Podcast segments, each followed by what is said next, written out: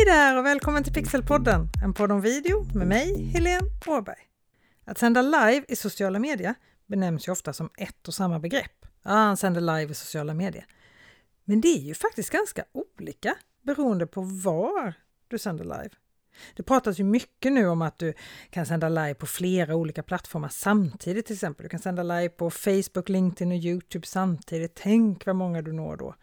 Men jag har än så länge sett väldigt få som lyckas med det här. Många gånger sänder man live och får bra engagemang och bra gensvar på en av plattformarna och de andra ligger liksom bara och slaskar med.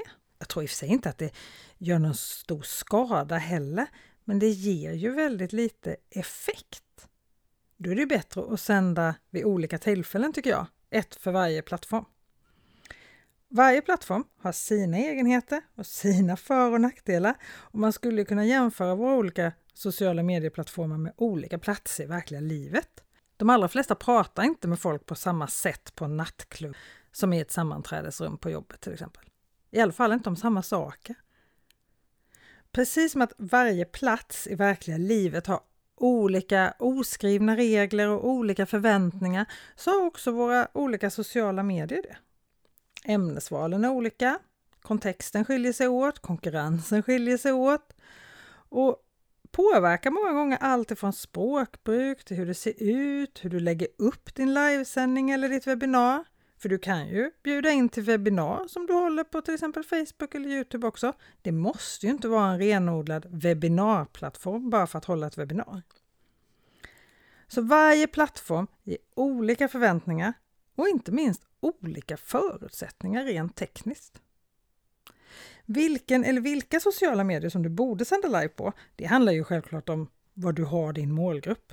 Men många av oss är ju aktiva på flera olika plattformar och kanske skulle tjäna på att sända live på flera olika plattformar också. Om jag börjar med den största, Facebook, ja för det är faktiskt fortfarande vår största sociala medieplattform. Jag har personligen fortfarande en liten förkärlek till Facebook. Och kanske ännu mer när det kommer till live. För Facebook är den plattform där du får bestämma mest själv. Och jag tycker om att bestämma själv.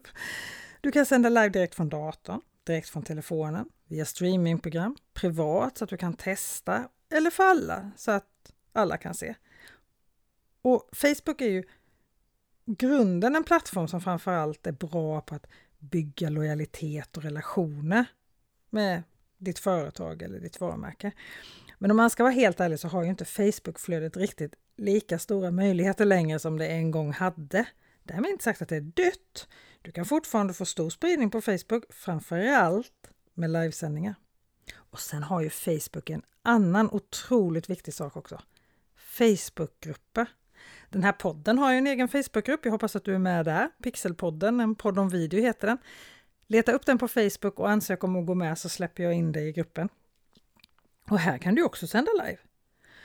Alltså i olika Facebookgrupper, både i dina egna grupper och i andras grupper. Men innan du går igång och sänder live i någon annans grupp så kolla gruppreglerna eller ännu hellre kontakta admin för gruppen.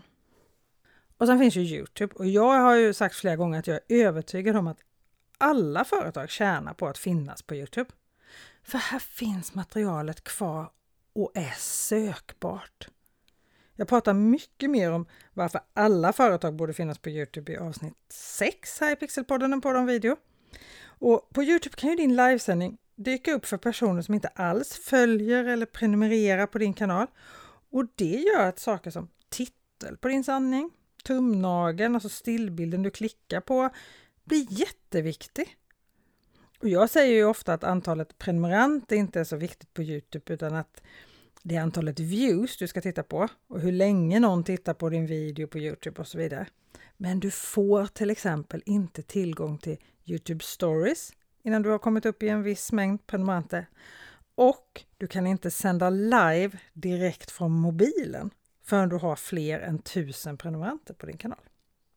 Men i övrigt så är Youtube också bra för att du kan sända både från datorn och från ett streamingprogram oavsett hur många prenumeranter du har. Och du kan dessutom träna och sända live i ett privat läge som bara du ser. Och det här privata läget, det gäller även reprisen sen. Alltså det här är ju toppenbra för att om du kan du sända live i privat läge och sen laddas den upp på Youtube och så ligger din livesändning där som en repris. Men den är fortfarande i privat läge så det är bara du som kan se den. Så kan du titta på den och så, så kan du öva och se vad du ska göra bättre eller sämre innan du går live för alla. Jättebra!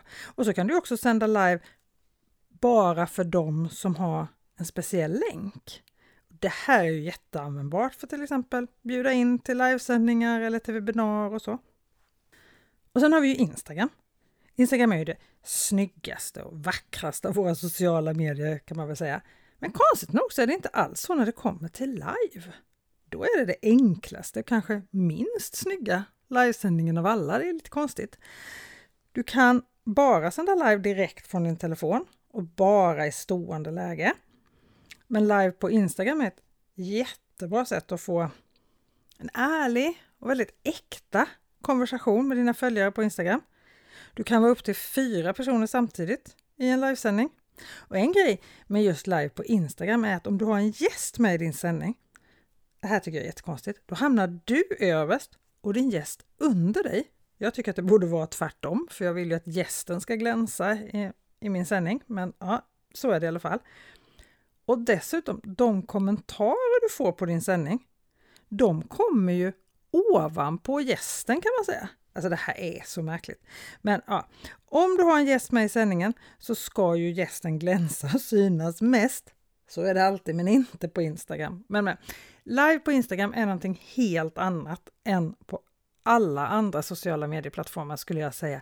Men därmed inte sagt att det är dåligt. Det är bara annorlunda om man jämför med de andra. Och är det enkelt som gäller på Instagram så är det definitivt tvärtom på LinkedIn. Här är det ju, ja, vem som helst kan inte sända live på LinkedIn. Du måste ansöka om att få tillstånd att sända live. Själv tror jag ansökte fyra gånger innan jag fick tillstånd. Och på det här avsnittets webbsida www.pixelhouse.se avsnitt 64 så hittar du länken till var du ansöker om att få sända live på LinkedIn så fyller du i ett formulär där. Och inte nog med att du måste ansöka om att sända live.